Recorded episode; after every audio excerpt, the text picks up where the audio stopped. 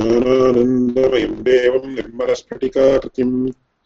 आधारम् सर्वविद्यानाम् हयग्रीवमुपास्महे। श्रीहयग्रीवाय नमः। विधाय हृदि विश्वेशम् विधाय गुरुवन्दनम्। बालानाम् सुखबोधाय क्रियते तर्कसङ्ग्रहः तत्र कारणविचारः। कारणं च त्रिविधम् समवायिकारणम् असमवायिकारणम् निमित्तकारणं चेति इति विचारः पूर्वमेव प्रस्तुतः।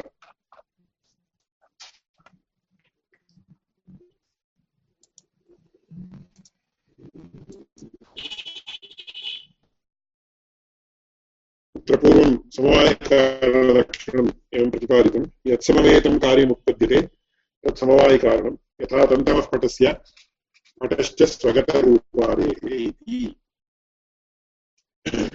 तत्र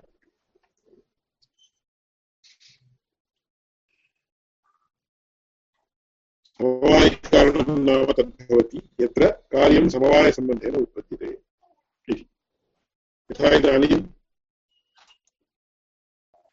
तत्र एतादृशः पटः वर्तते।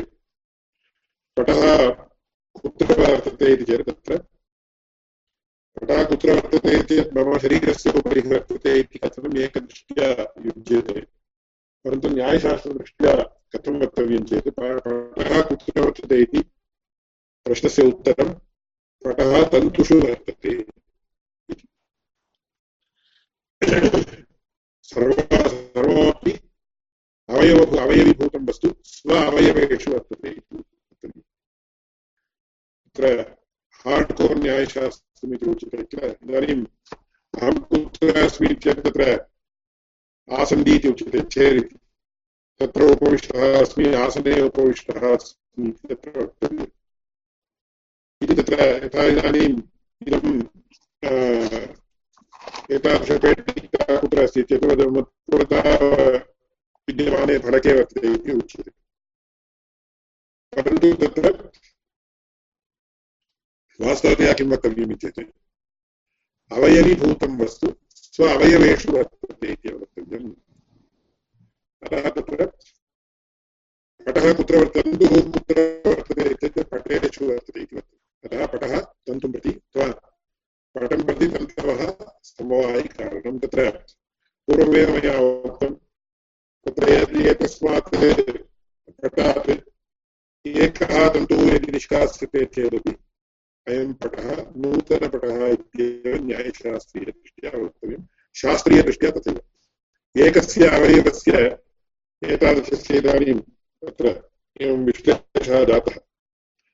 एकस्य अवयवस्य एतादृशस्य विश्लेषे अपि अयं पटः तत्र नूतनः वक्तव्यं। कुतः? अवयवविश्लेषः जायते चेत् तत्र अवयवी नश्यति। कुतः चेत् मया पूर्वमेव तत्र ययोः द्वयोः मध्ये एकम् अविनश्यदवस्थम् अपराश्रितमेव अवतिष्ठते, तौ अयुतसिद्धौ इति। अयुतसिद्धयोः सम्बन्धः समवायः। तत्र युतसिद्धौ इत्येतत् पृथक् सिद्धौ इति। तन्तुपेक्षया पटः न पृथक् सिद्धः एवं पटापेक्षया तन्तुः अपि न पृथक् सिद्धः चेत् कस्मिन् अर्थे चेत् मया इदानीम् उक्ते अर्थे। अतः इमौ इति चेत् पटः तन्तुश्च अवयवावयविनौ। अवयवावयविनोः सम्बन्धः सः समवायः। अतः कार्यं नाम प्रकृते विद्यमानः पटः तस्य समवायेन कुत्र उत्पत्तिर्भवति? तन्तुषु उत्पत्तिर्भवति। इति चेत् तन्तुः पटापेक्षया पृथक् न स्थातुं शक्नोति अस्याम् अवस्थायाम् केवलतन्तुः अस्ति स विचारः अन्यः अतः अवयवावयविनोर्मध्ये विद्यमानः सम्बन्धः समवायः। तत्र कार्यं यत्र समवायसम्बन्धेन उत्पद्यते सः, तत् असमवायिकारण समवायिकारणम् उच्यते। अत्र प्रश्नाः भवन्ति चेत् अनन्तरमपि प्रष्टुं शक्यन्ते, इदानीमपि प्रष्टुं शक्यते। तत्र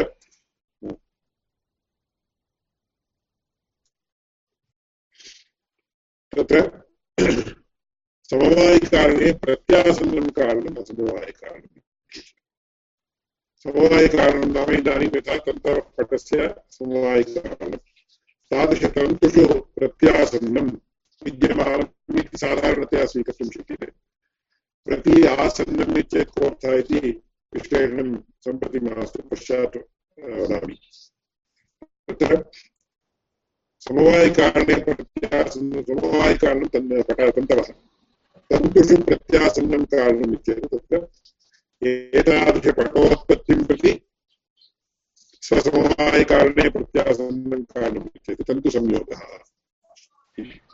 स्वामिन् क्षम्यताम् तदा तदा भवतः ध्वनिः तावान् सम्यक् न श्रूयते ह्यः अपि एवं ह्यः अपि एवं जातम् एकक्षणं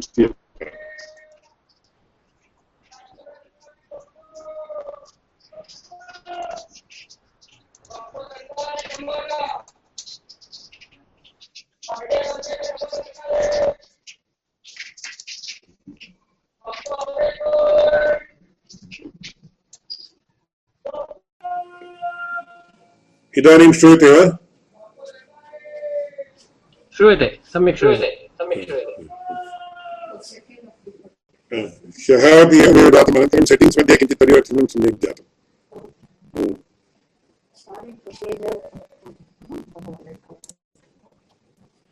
एवञ्च समवायिकारणे प्रत्यासन्नं कारणम् असमवायिकारणम् इत्युच्यते इदानीं सम्यक् श्रूयते खलु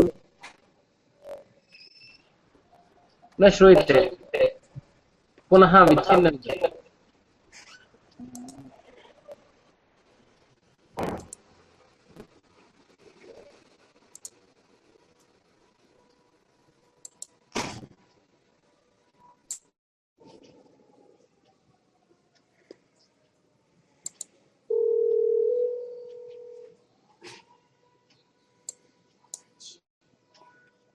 इदानीं श्रूयते वा?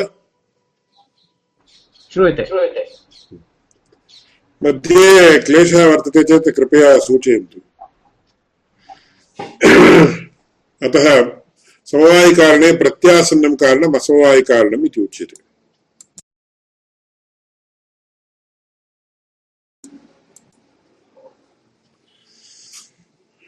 अतः तत्र समवायिकारणे बहूनाम् इतरविषयाणां सद्भावेपि एतादृशकार्योत्पत्तिं प्रति यत् अत्यन्तम् अवश्य आवश्यकं तदेव तत्र प्रत्यासन्नम् इति उच्यते यथा तन्तुषु अन्ये बहवः गुणाः सन्ति चेदपि। पटोत्पत्तिं पटोत्पत्तिं प्रति कारणभूतः गुणः सः असमवायिकारणम् इति उच्यते। अत एव तन्तुसंयोगः पटस्य इति उच्यते। द्वितीयः द्वितीयम् उदाहरणम् एवं वर्तते यत् पटश्च स्वगत तत्र, यथा तन्तुरूपं पटगतरूपस्य च इति वर्तते। तस्य विषये पश्चात् इतोपि वक्तव्यं यत् अस्ति तद् वदामि। इदानीम् एतावत् प्राप्, प्राप्नुवन्तु। कार्येण कारणेन वा सह एकस्मिन् अर्थे समवेतं सत्कारणम् असमवायिकारणं यथा तन्तुसंयोगः पटस्य, तन्तुरूपं पटगतरूपस्य च इति अस्य उदाहरणं पूर्वं दत्तमिति स्मरामि। न दत्तं चेत् पश्चात् वदामि। इदानीं तावत् चेदपि समीचीनं भवति तदुपरि तदुभयभिन्नं कारणं निमित्तकारणं यथा तुरीरेमादिकं पटस्य।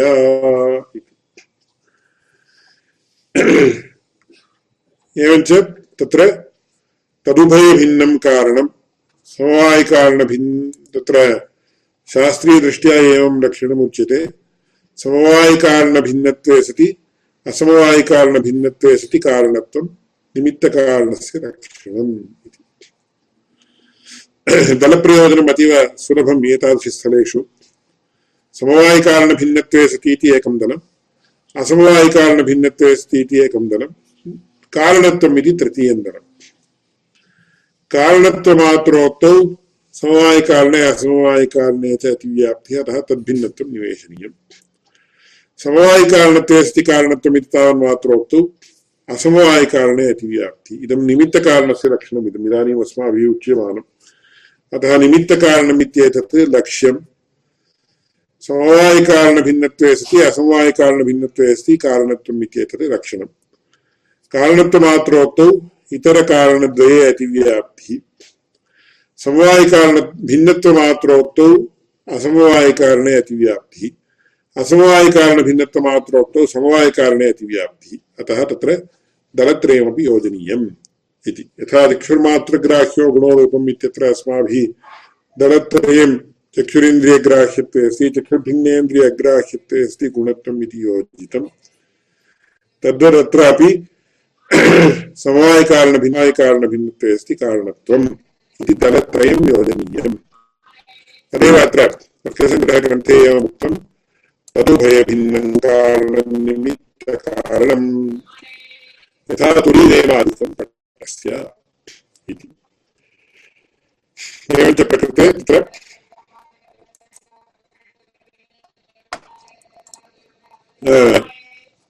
पटस्य निमित्तकारणं किमित्युक्ते तुरीवेमादिकम् इति। तत्र एतादृशपटः उत्पादनीयश्चेत् तत्र प्रथमं तन्तवः एवं तन्तुसंयोगः अपि आवश्यकः। तन्तुसंयोगः कथं भवति चेत् तत्र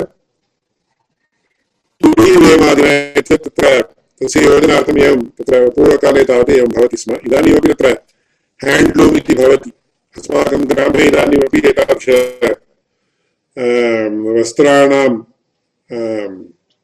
उत्पादनं क्रियमाणं वर्तते। तत्र ओतप्रोतम् इति उच्यते। एवं एवम् एकः तन्तुः आगच्छति, एवम् एकः तन्तुः आगच्छति। लाङ्ग् एण्ड् रैट् इति। एवं तस्य कारणभूतं तुरीवेम इत्यादि उच्यते, तस्य शब्दाः वर्तन्ते। एवञ्च अतः तत्र तुरीवेमादिकं पटस्य, तत्र पटस्य समवायकारणं तन्तवः, पटस्य असमवायकारणं तन्तुसंयोगः, पटस्य इतरे कारणानि तुरीवेमादीनि, अतः तुरीवेमादिकं पटस्य इति। कालेश्वरादृष्टादयः सर्वेपि अत्रैव अन्तर्भवन्ति। कुतः तेषां कार्यसामान्यं प्रति कारणत्वात्? इति एवं तदुभयभिन्नं कारणं निमित्तकारणं यथा तुरीवेमादिकं पटस्य इति। तदेतत्त्रिविधकारणमध्ये रसाधारणं कारणं तदेव करणम् इति। तदेतत्त्रिविधकारणमध्ये रसाधारणं कारणं तदेव करणम् इति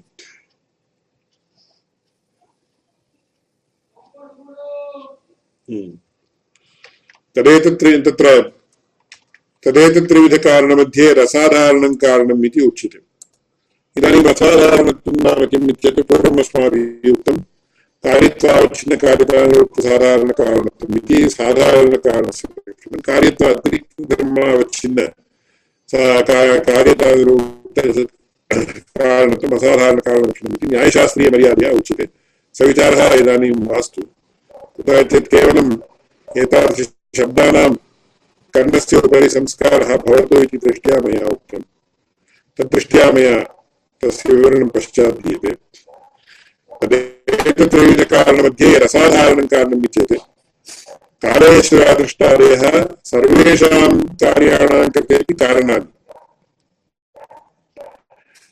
तत्र तन्तुः तन्तुसंयोगः तन्तवः इत्येते पटमात्रं प्रति कारणानि इत्येतानि पटमात्रं प्रति कारणानि तस्मात् तत्र एतेषु यस्य कस्यापि अस्माभिः असाधारणकारणत्वं वक्तुं शक्यते कुतः साधारणकारणत्वम् असाधारणकारणत्वम् इत्युक्ते अतः कालेश्वरादृष्टादिकं विहाय एतानि सर्वाण्यपि असाधारणकारणशब्देन व्यवहर्तुं शक्यन्ते इति अत्र अस्माभिः अवधेयोऽयं विषयः इति तदेतत्त्रिविधकारणमध्ये समवायकारण असमवायकारणनिमित्तकारणेषु मध्ये यत् असाधारणं कारणम् असाधारणं नाम तत्र साधारणकारणभिन्नम् इति। साधारणकारणम् इत्यर्थः कार्यसामान्यं प्रत्यपि चेत् यत्किमपि कार्यं भवतु। तस्य सर्वस्यापि कारणं किम् इत्येतत् कालः ईश्वरः अदृष्टः दिक् इति एते चत्वारि। एतानि चत्वारि। एतानि चत्वारि विहाय सर्वमपि कारणम् असाधारणकारणमिति व्यवहर्तुं शक्यते अस्माभिः। इति तावत् इदानीं किम् इति तदेतत् त्रिविधकारणमध्ये रसाधारणं कारणं, तदेव करणम्। तत्र प्रत्यक्षज्ञानकरणं प्रत्यक्षम्। तत्र प्रत्यक्षज्ञानकरणं प्रत्यक्षम्। अत्र अत्रैव किञ्चिदिव कन्फ्यूषन् इत्यस्य अवकाशः वर्तते। प्रत्यक्षज्ञानकारणं प्रत्यक्षम् इति उच्यते, खलु कारणं, कार्यं, द्वयमपि एकशब्देन व्यवहर्तुं शक्यते वा इति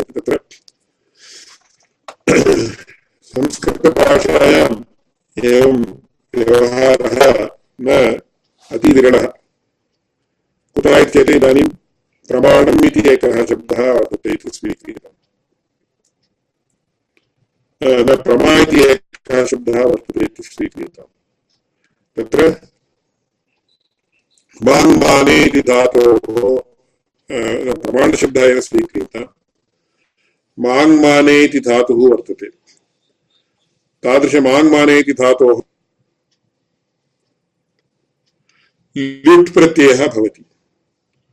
ल्युट् प्रत्ययः भवति चेत् तत्र मा ल्युट् इति व्याकरणशास्त्रदृष्ट्या मा प्लस् ल्युट् इति स्थिते इति एवं वदन्ति। व्याकरणपाठः यदा क्रियते तदानीम् अस्माभिः ज्ञातुं शक्यते। तत्र यथा अस्माभिः गणितशास्त्रे स्टेप्स् इति उच्यन्ते, तद्वत् अत्रापि स्टेप्स् इति उच्यते। माङ् माने इति धातुः, तत्र मा, माङ् इति, माङ् इत्यत्र नश्यति। कथमित्येत् अनन्त्यम् इति उपदेशे अजनुनासिक इति तस्य इत्संज्ञा भवति। इत्संज्ञानन्तरं तस्य लोपः अतः मा ल्युटे इति भवति। तदनन्तरं तत्र ल्यु इत्यत्र लकारः। तत्र तस्य किं सूत्रं? लकारः तत्र नश्यति, एवं टकारः अपि नश्यति। टकारस्य नाशः, लोपः तावत्, तत्र इत्संज्ञालोपः। टकारस्य लोपः तावत् उपदेशे तत्र उपदेशे इति न तत्र हलन्त्यम् इति सूत्रेण एव लोपः उपदेशे अन्त्यं हल इत् स्यादिति उपदेशशब्देन प्रत्ययाः अपि गृहीतुं शक्यन्ते धातुसूत्रगणोणादि वाक्यलिङ्गानुशासनम् आगमप्रत्ययादेशाः उपदेशाः प्रकीर्तिताः इति तत्र उपदेशशब्दस्य को अर्थः चेत् उपदेश आद्योच्चारणम् इति सिद्धान्तकौमुदी प्रारम्भे सर्वम् आगच्छति उपदेशः आद्योच्चारणम् इति। चेत् अस्माभिः तत्र आद्य आदौ भवः आद्यः इति। आद्योच्चारणं नाम आदौ भवः आद्यः इति। आदौ यदुच्चार्यते चेत् अन्ते वा, मध्ये वा क्रियते चेत् तस्य उपदेशत्वं नास्ति वा इति प्रश्नादिकं भवेत्। तस्य प्रकारान्तरेण विवरणं देयं परन्तु अन्यत्र अस्माभिः किमुक्तं? धातुसूत्रगणोणादि वाक्यलिङ्गानुशासनम् आगमप्रत्ययादेशाः, उपदेशाः प्रकीर्तिताः इति धातुः सूत्रं गणः, गणपाठः इति आगच्छति, यथा इदानीं सर्वादीनि, सर्वनामानि इति आगच्छति। तदानीं सर्वादीनि इत्येतत् सर्वादिगणः इति। एवं बहवः शतशः वा दशशः वा दशशतशः वा गणाः वर्तन्ते। शकन्ध्वादिषु पररूपं वाच्यम् इति उच्यते चेत् शकन्ध्वादिगणः इति वर्तते। एवं रीत्या बहवः गणाः वर्तन्ते, तत्र तत्काले पाणिनिकाले अपि एवम् आसीत् यथा इदानीम् अस्माभिः इण्डेक्स् इति कृत्वा, तत्र इण्डेक्स् मध्ये अपेण्डिक्स् इति कृत्वा तत्र अपेण्डिक्स् मध्ये दीयते। This this are the things that belong to this group इति। सर्वं तत्र मेइन् टेक्स्ट् मध्ये न उच्यते। तद्वत् पाणिनिनापि किं कृतं तत्र गणपाठाः कृताः। तत्र इदानीम् आदिशब्दसूत्रकथनावसरे आदिशब्दयोजनेन तत्र कश्चन गणः वर्तते कश्चन गणो भवति सः इति सूचना दीयते। एवञ्च धातुसूत्रगण उणादि इति उणादिसूत्राणि इति तान्यपि बहूनि प्रायः षट्शतं सूत्राणि इति स्मर्यते उणादिसूत्राणि। अनन्तरं वाक्यलिङ्गानुशासनं वाक्यमित्यद्वार्तिकमित्यपि स्वीकर्तुं शक्यते। किञ्चिदिव इतरवाक्यमित्यपि स्वीकर्तुं शक्यते। ऋषिभिः उच्चारितं तदा, ता तादृशसमये इति केचित् वदन्ति। धातुसूत्रकरणोणादिवाक्यलिङ्गानुशासनम् लिङ्गानुशासनं नाम कस्य कस्य परस्य कीदृशं लिङ्गं भवति इति तत्र उच्यते। यथा, दाराः, पुंसि च, भूम्येव इति। दाराः इति दाराशब्दः दारशब्दः वास्तवतया। सः अकारान्तपुल्लिङ्गश्चेदपि सः अकारान्तश्चेदपि पुल्लिङ्गः एवं तत्र नित्यबहुवचनान्तः इति लिङ्गानुशासनं तदपि उपदेशशब्देन ग्राह्यम्। आगमः, प्रत्ययः, आदेशः इति एतेपि सर्वेपि तत्र उपदेशशब्देन। अतः माङ्माने इत्यत्र नकारस्यापि उपदेशशब्देन ग्रहणं भवति तस्मात् तत्र उपदेशे अन्त्यं हल इत्यादि नियमः अत्र अन्वयति। एवं ल्युट् इत्यत्रापि तत्र टकारस्य इत्संज्ञालोपः अनेनैव अनन्त्यम् इति सूत्रेणैव इत्संज्ञा, तस्य लोपः इति सूत्रेण लोपः। एवं लकारः, लकारस्यापि इत्संज्ञा।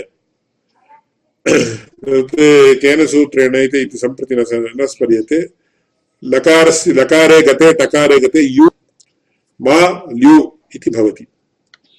अनन्तरं युवोरनाकौ इति, यु इति यकारोत्तर उकारस्य युवोरनाकौ इति अना इति आदेशः। वकारोत्तर उकारः इति णुल् प्रत्ययः इति कश्चन प्रत्ययः वर्तते। तादृश णुल् प्रत्यये तावत् अका इति आदेशः भवति। तस्मात् मा, ल्यु इत्यस्य स्थाने ल्यु इत्यस्य आदेशः अना इति मा अना इति भवति चेत् तदानीं सवर्णदीर्घः मा अना इति भवति प्रा इति उपसर्गः योज्यते चेत् प्रमाण इति भवति नत्वस्य नकारस्य नत्वं भवति इति कृत्वा रसाभ्याण्णो समानपदे कुप्वाङ्गं व्यवहारेपि इत्यादि सूत्रैः तत्र समानपदे विद्यमानरेखात् तत्र नकारस्य नकारो भवति प्रमाण इति भवति किमर्थमिदमुच्यते चेत् इदानीं ल्युट् प्रत्ययः कस्मिन् अर्थे चेत् करणार्थे अपि ल्युट् प्रत्ययः भवति भावार्थे अपि ल्युट् प्रत्ययः भवति इदानीं माना इति चेत् मा इति माने इति यदि अस्माभिः अर्थः स्वीक्रियते तत्र प्रमा इति शब्दः प्रमा इति यथार्थज्ञानवाचकः तत्र भावार्थे लुटे इत्यपि उच्यते, तदानीं भावो नाम धात्वर्थः इत्यर्थः। पुनः अत्रापि कन्फ्यूषन् इत्यस्य साङ्कर्यस्य अवकाशः वर्तते। घटस्य भावः घटत्वम् इति यदि उच्यते, तदानीं तत्र भावो नाम असाधारणधर्मः इति। अत्र भावः इत्यस्य धात्वर्थः इति। भावे भावे गङ्गे इत्यादि शब्द इत्यादि विषयाः अस्माभिः व्याकरणशास्त्रपठनावसरे श्रूयन्ते तद्वत् भावार्थे यदि प्रत्ययः भवति तदानीं प्रमाणम् इति शब्दस्य प्रमा इत्येव अर्थः यथार्थं ज्ञानम् इत्येव अर्थः यदि करणार्थे लुट इति उच्यते तदानीं प्रमाकरणम् इत्यर्थः अतः प्रमाणम् इति शब्दस्य कदाचित् प्रमा इति यथार्थज्ञानम् इत्यर्थोऽपि भवति कदाचित् यथार्थज्ञानकरणम् इत्यर्थोऽपि भवति एकस्यैव शब्दस्य द्वेधा अर्थः भवति, यदि अस्मात् कन्फ्यूषन् इत्यस्य साङ्कर्यस्य अवकाशः वर्तते। परन्तु किमर्थम् एवं जातम् इति प्रश्नः क्रियते चेत् संस्कृतभाषायां विशिष्य व्याकरणशास्त्रे एकः नियमः वर्तते। किमिति चेत् तत्र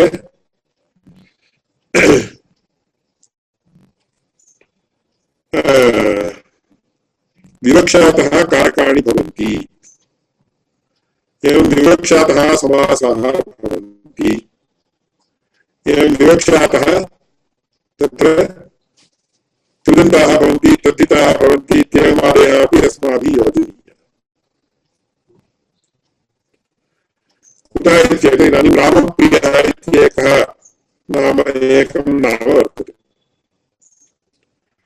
तदानीं रामप्रियः रामस्य प्रियः इति एकः अर्थः ज्ञातुं शक्यते। रामस्य प्रियः इति अर्थः एकः। रामः प्रियः यस्य इति तत्र कर्तुं शक्यते। एवं रामश्चासौ प्रियश्च इति तत्र कर्मधार्यः अपि स्वीकर्तुं शक्यते। रामप्रियः इत्यस्य त्रेधार्थं न्यूनातिन्यूनं पुनः तत्र मध्यमपदलोपि समासः क्रियते चेत् अन्यः अपि अन्याः बहवः अर्थाः कर्तुं शक्यन्ते अतः तत्र रामप्रियः इत्येतत् रामस्य प्रियः इत्येतत् लक्ष्मणः इति स्यात् रामः प्रियो यस्य इति चेत् तत्र आञ्जनेयः अपि रामप्रियशब्देन व्यवहर्तुं शक्यते रामश्चासौ प्रियश्च इति राम एव रामप्रियशब्देन व्यवहारः, व्यवहर्तुं शक्यते। एवञ्च तत्र विनोदार्थम् उच्यते। अस्माकं सम्बन्धिनां पुत्रस्य यतीन्द्रप्रवणः इति नाम निक्षिप्तं तैः। तदानीं कैश्चित् यतीन्द्रप्रवणः इति तत्र वरवरमुनिः इति आचार्यवर्यः, मणवाणमामुनिः इति तस्य संस आङ्ग्लभाषा द्राविडभाषायां नाम। यतीन्द्रप्रवणः इति। परन्तु मया उक्तं गुरुपरम्परे विद्यमानानां सर्वेषां, गुरुपरम्परायां विद्यमानानां सर्वेषामपि नाम भवति यतीन्द्रप्रवणः इति। कथमित्येते रामानुजाचार्यापेक्षया ये पूर्वाचार्याः आसन्, तेषु यतीन्द्रः नाम रामानुजाचार्यः प्रवणः। तस्मात् यतीन्द्रः प्रवणः यस्मिन् इति यदि अस्माभिः एवं रीत्या बहुव्रीः समासः क्रियते तर्हि तत्र यामुनाचार्यादारभ्य भगवत्पर्यन्तं श्रीमन्नारायणपर्यन्तं सर्वेपि यतीन्द्रप्रवणशब्देन व्यवहर्तुं शक्यन्ते। एवं यतीन्द्रश्चासौ प्रवणश्च इति चेत् तत्र रामानुजाचार्यः स्वयमेव यतीन्द्रप्रवणशब्देन वाच्यो भवति। एवं यतीन्द्रे प्रवणः इति यदि अस्माभिः तत्र समासः क्रियते तर्हि रामानुजाचार्याणाम् अनन्तरकालिकाः सर्वेपि आचार्याः तत्र अन्तर्भवन्ति। इति मया तादृशना नाम्ना गुरुपरम्परायां विद्यमानाः सर्वेपि आचार्याः गृहीतुं शक्यन्ते इति मया तत्र विनोदार्थम् उक्तम्। तद्वत् अत्र प्रमाणम् इति चेत् मा प्र प्र उपसर्गपूर्वक मा धातोः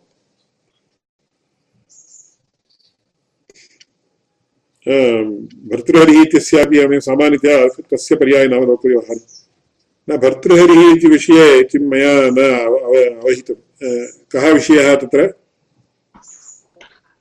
भर्तृहरिः इत्यस्य विशेषणं तत्पुरुषतया अपि कर्तुं शक्यते वा इति? यः मम चिन्तने आगतम्। भर्ता हरेः यस्य इति वा? यस्य भर्ता हरिः इति वा? द्वेधा अपि कर्तुं शक्यते वा? इति मम प्रश्नः अस्ति। सामान्यतया कथं क्रियते तस्य विग्रहः? तत्र भर्तृहरिः इति तत्र कथं कर्तव्यम् इति मया न एतावत्पर्यन्तं चिन्तितं। कुतः इत्येतत् तत्र भर्ता इति तत्र अस्माकम् आचार्यैः पूर्वमुक्तं। तत्काले एतादृशभर्तृशब्दयोजनेन बहवः बहूनां महाविदुषां नामानि आगतानि इति भर्तृहरिः, भर्तृप्रपञ्चः इति एवं तैः पञ्चषण्णामानि तैः तदा तदा उल्लिख्यन्ते स्म। किमर्थं तत्र भर्तृ इति शब्दः योजितः इति इदानीम् अस्माभिः न विशेषतः ज्ञातुं शक्यन्ते। परन्तु भर्तृहरिः इति तत्र भर्ता चासौ हरिश्च इति वा किमपि कर्तव्यं वा इति मया इदानीं चिन्त्यमानमस्ति। पश्यामः कुत्रापि ग्रन्थे, कुत्रापि भूमिकायां वा, वाक्यपदीयभूमिकायां वा, अन्यत्र वा वर्तते वा इति भवन्तः शोधयन्तु। अहमपि पश्यामि। यदि किञ्चित् तस्य विषये कैश्चित् पूर्वमेव विचारः कृतश्चेत् सः उपादेयो भवति। नूतनतया आलोचनापेक्षया कैश्चित् तस्य विषये किमपि उक्तं चेत् तत् पश्यामः। नो चेत् वयमेव किञ्चिदिव आलोचयामः कथं, कथम् इत्यादि विषये। परन्तु तदानीन्तनकाले केचन ग्रन्थकृतः आगताः, येषां सर्वेषामपि तत्र उपनाम भर्तृ इति आसीत् इति अस्मदाचार्यवर्यैः पूर्वम् उक्तम्। यथा कथमपि भवतु उत्तमः प्रश्नः। तत्र अतः प्रमाणम् इत्यस्य कोऽर्थः? प्रमा इत्यपि अर्थः भावार्थे द्युटे इति उच्यते चेत् प्रमाणशब्दस्य तत्र प्रमा इत्येव अर्थः भवति। नो चेत् प्रमाकरणम् इत्यर्थः भवति, द्वेधापि भवति। तत्र संस्कृतभाषायां विद्यमान पेक्यूलियारिटि इति आङ्ग्लभाषायाम् उच्यते। तत्र तादृश पेक्यूलियारिटि एवं भवति संस्कृतभाषायाम्। अत एव उक्तं विवा, विवक्षातः समासाः भवन्ति। विवक्षातः कारकाणि भवन्ति इति परिभाषा एव वर्तते। एवं विवक्षातः तद्धिताः भवन्ति, विवक्षातः कृदन्ताः भवन्ति इत्यादिकमपि अस्माभिः योजनीयम् अतः कारकशब्दः तत्र समासादीनाम् उपलक्षकः उपलक्षकः इति शब्दः योज्यते। तत्र एतादृशकथनेन अन्ये अपि तत्सदृशाः विषयाः ग्राह्याः इति अस्माभिः ज्ञातव्यम्। अतः तत्र एवमेव तत्र प्रत्यक्षज्ञानकरणं प्रत्यक्षम् इति उच्यते।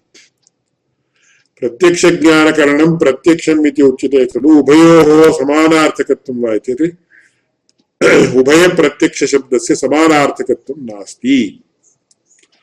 कुतः इत्येतत् तत्र अक्षमक्षं प्रतीत्यप्रत्यक्षम् इति तत्र किञ्चित् प्रत्यक्षशब्दस्य दृष्ट्या विश्लेषणम् इत्यादिकं क्रियते इदानीं। तत्र प्रत्ययः कीदृशः इत्यादिकं न स्मरामि। परन्तु अक्षा इति तत्र कथं तत्र धातुः इत्यादि किं भवति इति भवन्तः पश्यन्तु। एतेषां विषये तत्र अस्माभिः द्रष्टव्यं चेत् सान्स्क्रिट् इति एकं वर्तते। तैः तत्र Apte dictionary Monier Williams dictionary इत्यादिकं सर्वं योजितम् इदानीं तत्र द्रष्टुं शक्यते। पूर्वकाले तावत् अस्माभिः वाचस्पत्यम् अथवा शब्दकल्पद्रुमः इति तत्र एन्सैक्लोपीडिया द्वयं वर्तते, तत् पश्यते, दृश्यते स्म। अथवा तत्र प्रकृतिप्रत्यये विभागादिकम् अस्माभिः ज्ञातव्यं चेत् अमरसुधा इति व्याख्यानं वर्तते। अमरकोशे विद्यमानमपि पराणि सः प्रकृतिप्रत्ययविभागपुरस्सरं प्रक्रियादिकं प्रदर्शयति। अतः अमरसुधाव्याख्याने तत्र स्पष्टतः वर्तते। एवं तत्र वाचस्पत्यशब्दकल्पद्रुमेव तदपि आन्लैन् उपलब्धमस्ति। अथवा सान्स्क्रिट् डिक्षनरी डाट् काम् इति वर्तते। तत्रापि द्रष्टुं शक्यते। भवताम् अवकाशः अस्ति चेत् कृपया पश्यन्तु। इदानीं सर्वस्यापि आन्लैन् विद्यमानत्वात् क्लेशः नास्ति, एतत् पुस्तकं कुत्र अस्ति, तत् तत् पुस्तकं कुत्र अस्ति इत्यादिकम् अन्विष्य अन्विष्य तत्र एवं वा एवं वा इत्यादि श्रमस्वीकरणस्य अवकाशः अल्पः। एवञ्च प्रत्यक्षम् इति ज्ञानं प्रत्यक्षपदं ज्ञानपरम् इति एवं लिखेयुः व्याख्यासु तत्र प्रत्यक्षज्ञानकरणं प्रत्यक्षमिति वाक्यम् इदं वाक्यं सर्वैः अवहितमिति मन्ये तत्र प्रथमप्रत्यक्षपदं प्रमापरं प्रत्यक्षप्रमां प्रति प्रत्यक्षज्ञानं नाम प्रत्यक्षप्रमा इत्यर्थः तस्य कारणं किं प्रत्यक्षं प्रत्यक्षं नाम तत्र इन्द्रियार्थसन्निकर्षः इत्यर्थः एवञ्च इदानीं तत्रीया इयं पेटिका वर्तते पेटिकायाः दर्शनं यदा भवति तदानीं माम् इदम् इयं पेटिका इति ज्ञानं मम भवति इयं पेटिका इति ज्ञानं प्रत्यक्षम् तत्करणं किम् इत्येत् मम इन्द्रियस्य चक्षुरिन्द्रियस्य पेटिकायाश्च विद्यमानः सम्बन्धविशेषः सन्निकर्षः इति उच्यते इति तत्र प्रत्यक्षज्ञानकरणम् इयं पेटिका इत्याकारक प्रति चक्षुरिन्द्रिय पेटिका सन्निकर्षः करणम् इति एवं रीत्या अर्थः ज्ञेयः अस्य वाक्यस्य अथवा इयं पेटिका इति इदं स्पार्शनप्रत्यक्षं स्पर्शेन्द्रियेण जातं प्रत्यक्षम् इति तत्र अस्माभिः स्वीक्रियते चेत्। तदानीम् इयं पेटिका इत्येतादृश स्पार्शनप्रत्यक्षं प्रति त्वगिन्द्रियपेटिकासन्निकर्षः कारणम्। इदानीं त्वगिन्द्रियस्य चेत् मम हस्ते त्वगिन्द्रियः, त्वगिन्द्रियं वर्तते। तादृशहस्ते विद्यमानत्वगिन्द्रियस्य पेटिकायाश्च सन्निकर्षः सम्बन्धः वर्तते। तस्मात् तत्र इन्द्रियार्थसन्निकर्षजन्यं ज्ञानं प्रत्यक्षम् इति उच्यते। पश्यन्तु तत्र तत्र प्रत्यक्षज्ञानकरणं प्रत्यक्षम् इति उक्त्वा अनन्तरं ज्ञानाकरणकं ज्ञानं प्रत्यक्षम् इति वर्तते। तदिदानीं मास्तु, अग्रे वदामि। इन्द्रियार्थसन्निकर्षजन्यं ज्ञानं प्रत्यक्षम् इति तत्र उच्यते। यथा इन्द्रियार्थसन्निकर्षः नाम अत्रापि विशेषः वर्तते। किमिति चेत् तत्र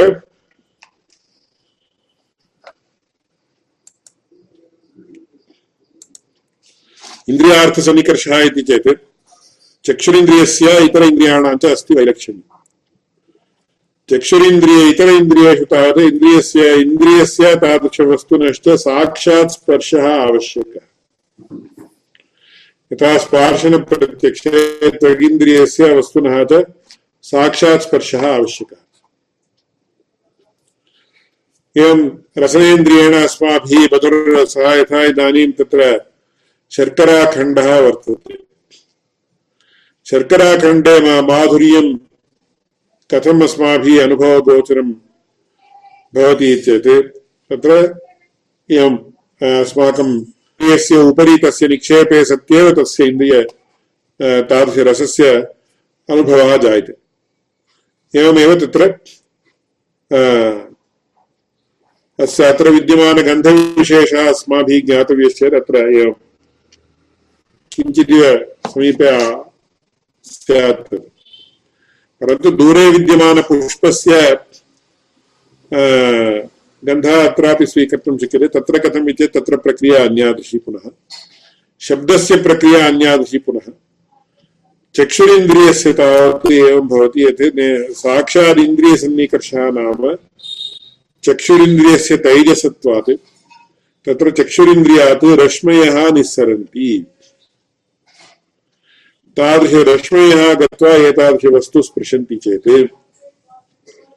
तदानीं तत्र प्रत्यक्षं जायते। चाक्षुषप्रत्यक्षस्य रीतिः अन्यादृशी, श्रावणप्रत्यक्षस्य रीतिः अन्यादृशी एवम् एकैकस्यापि प्रत्यक्षस्य रीतिः अन्यादृशी अन्यादृशी भवति। इति अस्माभिः प्रथमं स्पष्टतः ज्ञेयं। तत्र त्वगिन्द्रिये तावत् साक्षात् सन्निकर्षः इति स्पर्शः एव आवश्यकः तदपेक्षया चक्षुरिन्द्रियप्रत्यक्षते चक्षुरिन्द्रिय चक्षुरिन्द्रियस्य स्पर्शः आवश्यकः तथा नास्ति चक्षुरिन्द्रियात् दूरे भवेत् तत्र चक्षुषः निर्गताः रश्मयः चक्षुरिन्द्रियस्य तैजसत्वात् तैजसि रश्मीनां सत्त्वात् चक्षुरिन्द्रियात् निर्गताः रश्मयः गत्वा वस्तु स्पृशन्ति तदानीमेव चाक्षुषप्रत्यक्षं जायते इति तथा एवंशः अतीव स्पष्टतः ज्ञेयः इति एकैकस्यापि इन्द्रियस्य तद्वारा जायमानप्रत्यक्षस्य च वैलक्षण्यं वर्तते। पेक्यूलियारिटि आर् यूनीक्नेस् अतीव वैलक्षण्यं स्पष्टतः वर्तते इति अस्माभिः ज्ञातव्यम्। इति इन्द्रियार्थसन्निकर्षजन्यं ज्ञानं प्रत्यक्षं। तद्विविधं निर्विकल्पकं सविकल्पकं चेति। तादृश इन्द्रियार्थसन्निकर्षेण जायमानप्रत्यक्षे द्वैविध्यं वर्तते। प्रथमं प्राथमिकविभागः निर्विकल्पकविकल्पकभेदेन विभागः इति निर्विकल्पकं सविकल्पकं चेत् तद्विविधं। तत्र निष्प्रकारकं ज्ञानं निर्विकल्पकं, सप्रकारकं ज्ञानं सविकल्पकम्। निष्प्रकारकं ज्ञानं विकल्पकं सप्रकारकं ज्ञानं सविकल्पकम् इति साधारणतया लक्षणम् उच्यते। तत्र पूर्वमेव मया अस्य विषये विवरणं दत्तं। दत्तमस्ति, पुनः इदानीम् एकवारं ज्ञापयामि। इदानीम् अहम् अत्र पुस्तकं वर्तते। इदं पुस्तकं पश्यामि। यदा अहमिदं पुस्तकं पश्यामि तदानीम् इदं पुस्तकम् इत्याकारकं ज्ञानं भवति।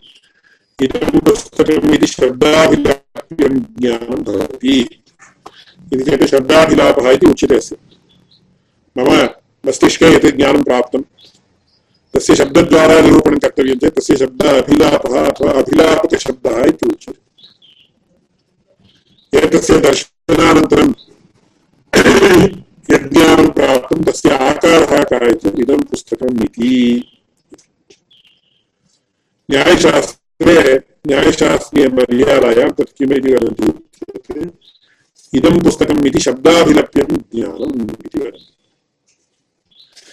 एतादृश शब्दाभिलप्यस्य इदं पुस्तकम् इति ज्ञानस्य उत्पत्तिः कथम् चेत् प्रथमम् आत्मा मनसा संयुज्यते। मनः इन्द्रियेण इन्द्रियम् अर्थेन। तत्र एकैः बहु समीचीनतया एतादृशप्रत्यक्षस्य विषये निरूपणं कृतमस्ति। दि पि एन् श्रीनिवासाचार्य इति हिस्ट्रि फिलासफि आफ् इष्टाद्वैत इति एकम् अतीव उत्तमं पुस्तकं लिखितवन्तः। तत्र विशिष्टाद्वैतप्रक्रियायां न्यायशास्त्रीयप्रक्रियायां च नास्ति भेदः, प्रत्यक्षं प्रत्यक्षज्ञानं कथं जायते इति विषये नास्ति मतभेदः तैः उच्यते तत्र। दि कान्शियस्नेस् अथवा चैतन्यम् इति यद्वर्तते तत् it is like water in the reservoir इति उच्यते। एक डेम् इति उच्यते अथवा रिसर्वायर् इति उच्यते। तत्र विद्यमान जलवत् वर्तते। तत् एकैक चेनल् मध्ये यदा गच्छति तदानीं तत् चेनल् द्वारा तद्वस्तु यदा स्पृश्यते तदानीं प्रत्यक्षं जायते अतः तत्र आत्मा मनसा संयुज्यते। मनः इन्द्रियेण इन्द्रियद्वारा तादृशचैतन्यं निस्सरति इत्यैः उच्यते चेत् चैतन्यस्य तत्र कान्शियस्नेस् इति उच्यमानस्य क्रियादिकम् अस्ति वा इति एतादृशरीत्या प्रश्नः कर्तव्यः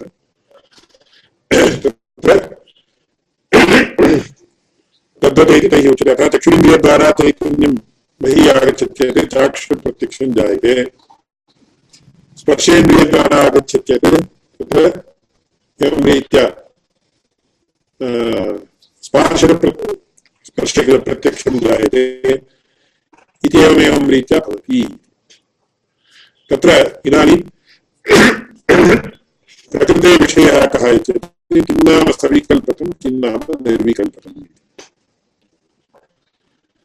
पूर्वमेव मया एकः नियमः उक्तः विशिष्टबुद्धिं प्रति विशेषणज्ञानं एकक्षणम्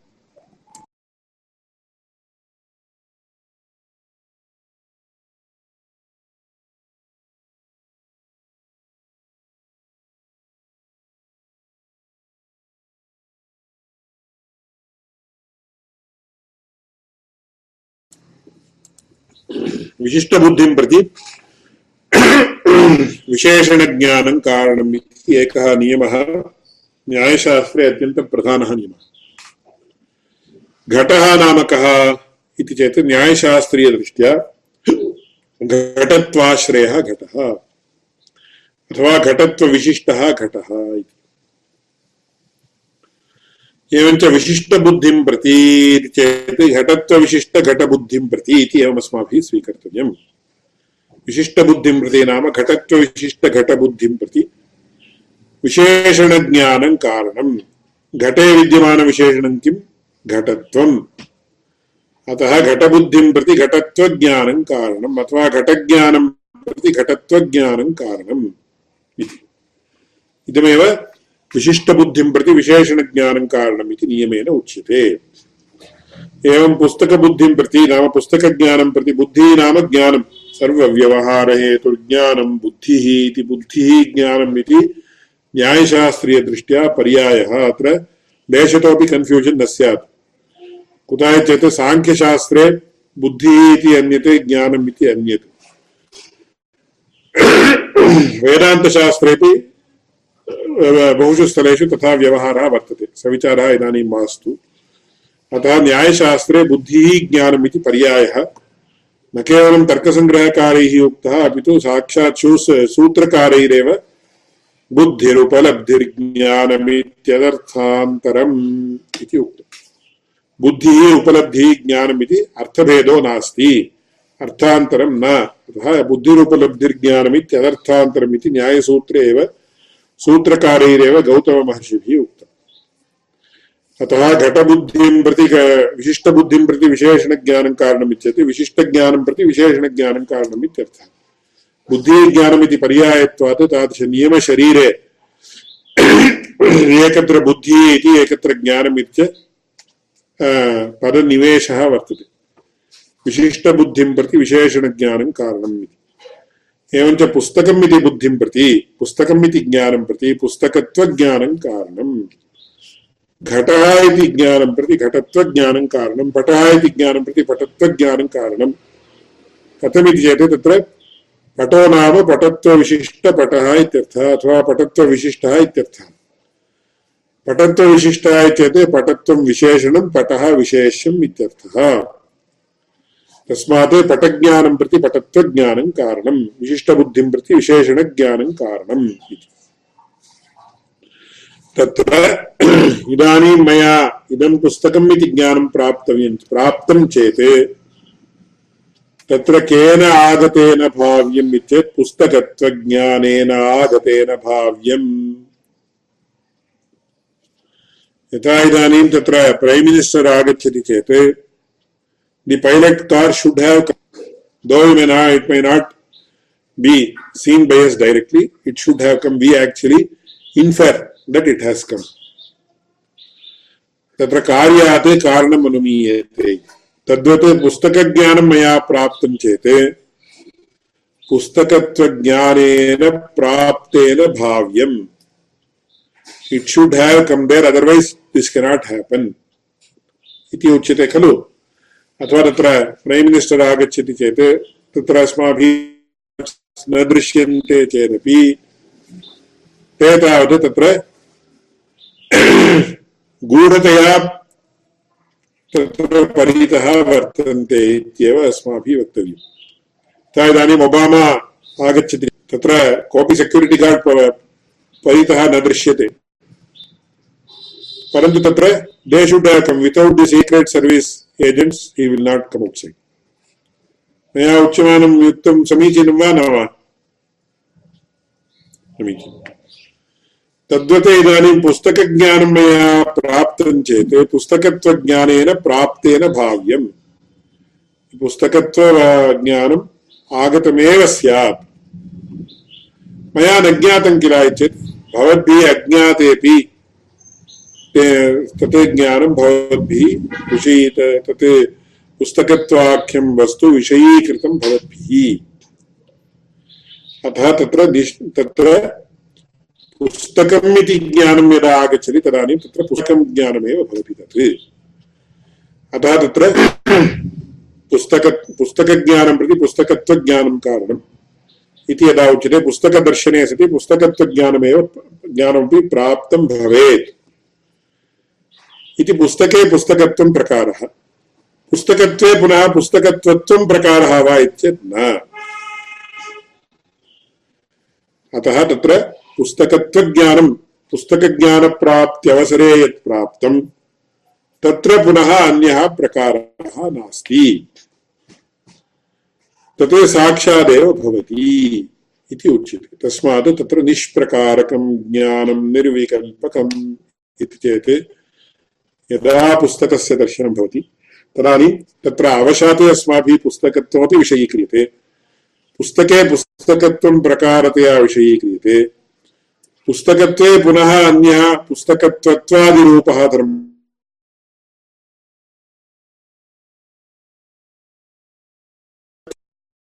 पुस्तकदर्शनावसरे यदस्माभिः अज्ञानेन चेत् ज्ञातम् इति अज्ञानं नास्ति अस्माभिः। परन्तु ज्ञातेन भाव्यमिति अस्माभिः अनन्तरं मोह्यते। तादृशज्ञानमेव निर्विकल्पकं ज्ञानं, निर्विकल्पकं ज्ञानम् इति उच्यते। अतः निष्प्रकारकं ज्ञानम् इत्यर्थः पुस्तकत्वज्ञानं यदस्माभिः अवशात् प्राप्तं पुस्तकदर्शनावसरे तत्र पुनः अन्यत् अन्यः प्रकारः नास्ति। इति तत् निर्विकल्पकं ज्ञानं, निर्विकल्पकं ज्ञानम् निष्प्रकारकं ज्ञानं निर्विकल्पकम् पुस्तकम् इति ज्ञानं वर्तते तत् सप्रकारकं कुतः तत्र पुस्तकत्वं प्रकारः भवति। इति सप्रकारकं ज्ञानं सविकल्पकम् इति च उच्यते पश्यन्तु तत्र निष्प्रकारकं ज्ञानं निर्विकल्पकं सप्रकारकं ज्ञानं सविकल्पकं यथा डित्थोऽयं ब्राह्मणोऽयं श्यामोऽयं पाचकोऽयमिति इति पाठः अन्यत्र केवलं श्यामोऽयमिति तावन्मात्रमुक्तं श्यामोऽयं पाचकोऽयमिति तत्र अस्माकम् अस्मत् कृते पाठितः पाठः। सविचारः भवतु। इति निर्विकल्पक सविकल्पकयोः स्वरूपं तत्र अद्य प्रदर्शितम्। अस्य विषये पुनरेकवारं किञ्चित् विवरणं दत्त्वा अग्रे गच्छामः तावत्पर्यन्तं भवन्तः अपि आलोचयन्तु। अत्र कोऽपि सन्देहः अस्ति चेत् इदानीमपि प्रष्टुं शक्यते। श्वः अपि प्रष्टुं शक्यते। इदानीं कोऽपि प्रश्नः अस्ति चेत् पृच्छन्तु। पुस्तकत्वत्व ज्ञानाभावात् पुस्तकत्वज्ञानं निर्विकल्पकम् पुस्तकत्वे पुनः अन्यः प्रकारः नास्ति पुस्तकत्वत्वम् इत्यादिकं पुस्तकत्वत्वम् इति किम् इत्यत्र सविचारः अनन्तरं भवतु पुस्तकज्ञानं प्राप्तव्यं चेत् पुस्तकत्वज्ञानम् आवश्यकम् इति उच्यते अयमेव न्यायः पुनः तत्र अन्वेति वा चेत् न अन्वेति पुस्तकत्वं स्वत एव ज्ञायते तादृश अवस्थायाम् इति अस्माभिः तदपि क्लास् इदानीम् अहम् इदं पुस्तकं पश्यामि पुस्तकदर्शनसमनन्तरमेव इदं पुस्तकम् इति ज्ञानं भवति but I have also recognized the Pustakatva which exists within this book. Because without the knowledge of Pustakatva, one cannot get the knowledge of Pustaka. But we are not realizing that we have known the Pustakatva, though we have realized it, though we have cognized it. अतः पुस्तकज्ञानं जातं चेत् तत्र पुस्तकत्वज्ञातेन जातेन भाव्यम्। तादृशपुस्तकत्वं कथं ज्ञातम् चेत् तदेव निर्विकल्पकप्रत्यक्षम् इति उच्यते। इदं कुतः तत्र पुनः अन्यः प्रकारः नास्ति। परन्तु यदा इदानीम् इदं पुस्तकम् इति ज्ञानं भवति, इदं पुस्तकं ज्ञायते, पुस्तकं कथं ज्ञातं, पुस्तकं नाम किं, पुस्तकत्वविशिष्टम्। अतः पुस्तकत्वाख्यधर्मेण सहितम् इदं पुस्तकं पुस्तकरूपः धर्मी अयं पुस्तकरूपः धर्मी ज्ञायते। अतः इदं पुस्तकम् इति ज्ञानं सविकल्पकम् तत् कारणभूतम् अस्माभिः अज्ञाततया ज्ञातं यत् पुस्तकत्वं तद् सविकल् निर्विकल्पितम् इति उच्यते। तदेव स एव व्यत्यासः। मम एकः प्रश्नः अस्ति। अत्र एते सर्वेपि सामान्यनियमः कोऽपि अस्ति वा अथवा जातौ अस्ति न तु व्यक्तौ इति न तु व्यक्तौ इति तथा नास्ति तत्र एवं नियमः अस्ति जात्यखण्डोपाद्यतिरिक्तपदार्थानां किञ्चित् धर्मपुरस्कारेण भानं जात्यखण्डोपाध्योस्तु स्वरूपतो भानम् इति नियमः। इदानीं पुस्तकम् इति जातिर्वा न। पुस्तकत्वं जातिः। जातिः नाम अनेकेषु विद्यमानः समाधः असाधारणधर्मः पुस्तकत्वं जातिः। पुस्तकं जातिः न व्यक्तिः। एवमेव तत्र जातिः इति उच्यते। इदानीम् आकाशत्वम् इत्यादिकं वयद्वर्तते तत्र अखण्डोपाधिः इति उच्यते। आकाशत्वं, कालत्वं दिक्त्वम् इत्येते सर्वेपि धर्माः अखण्डोपाधिः इति शब्देन व्यवह्रियन्ते जातिसदृशाः न दातयः कुतः चेत् एकव्यक्तिमात्रवृत्तित्वात् इत्येतादृशनियमाः वर्तन्ते। अतः जातिः अखण्डोपाधिः द्वयमपि एकदृष्ट्या तुल्यम्। जात्यखण्डोपाध्यतिरिक्तपदार्थानाम् इत्यद्व्यक्तीनां पुस्तकादिव्यक्तीनां किञ्चित् धर्मपुरस्कारेणैव भानम्। पुस्तकं कथं भाति? पुस्तकत्वधर्मपुरस्कारेण भाति। घटः घटत्वपुरस्कारेण भाति। पटः पटत्वपुरस्कारेण भाति। कुड्यं कुड्यत्वपुरस्कारेण भाति। इति चेत् तादृशज्ञानम् अवाप्यैव, धर्मज्ञानम् अवाप्यैव धर्मिणः ज्ञानम् अवाप्नोति पुरुषः। अतः जात्यखण्डोपाध्यतिरिक्तपदार्थानां किञ्चित् धर्मपुरस्कारेण भानम् जात्यखण्डोपाद्य पुस्तकत्वं कथं भासते? पुनः पुस्तकत्वम् अपेक्षते वा न अपेक्षते। जात्यखण्डोपाध्योऽस्तु स्वरूपतो भानम् पुस्तकत्वं, घटत्वं पटत्वम् एते सर्वेपि धर्माः स्वतो, स्वरूपतो भासन्ते। पुनः तत्र धर्मान्तरापेक्षा नास्ति इति। इति अयं नियमः वर्तते। नियमः तत्र वस्तुस्वरूपानुगुणः तत्र अस्माकम् अनुभवानुगुणः सः। इति। भवतां प्रश्नस्य उत्तरम् आगतं वा? हा अस्तु। पार्थन् स्वामी कोऽपि प्रश्नः अस्ति वा? इदानीं एतद्विषये आलोचयन्तु। एते सर्वेपि सूक्ष्मता सूक्ष्मतया आलोचनीयाः विषयाः। कुतः चेत् सर्वम् अस्माकं मस्तकस्थमेव भवति तत्र कथं प्रकारः विशेषम् एतादृशं सर्वं सर्वम् एते किञ्चिदिव अब्स्ट्राक्ट् कान्सेप्ट्स् भवन्ति। अतः तत्र पुनः पुनः आलोचनं, पुनः पुनः आलोडनम् इत्यादिकं कर्तव्यं भवति। अतः तत् कुर्वन्तु। पुनः एकवारं यदा न्यायबोधिनी व्याख्या इत्यादिकं अस्माभिः तत्र विव्रियते, तदानीमपि पुनः भवति इदं सर्वं पुनः पुनः श्रवणं पुनः पुनः आलोचनानन्तरमेव एते ये अब्स्ट्राक्ट् कान्सेप्ट्स् भवन्ति, तेषां सर्वेषामपि बुद्धौ स्थापनं तदानीमेव भवति। भवतु। इदानीं मङ्गलश्लोकपुरस्सरं कक्षा समाप्यते। कक्षानन्तरं पार्थं स्वामिना साकं निमेषद्वयपर्यन्तं वार्तालापं कर्तुम् इच्छामि। विधाय हृदि विश्वेशं, विधाय गुरुवन्दनं। बालानां सुखबोधाय क्रियते तर्कसङ्ग्रहः ज्ञानानन्दमयं देवं निर्मलस्फटिकाकृतिम् आधारं सर्वविद्यानां हयग्रीवमुपास्महे श्रीमहम्।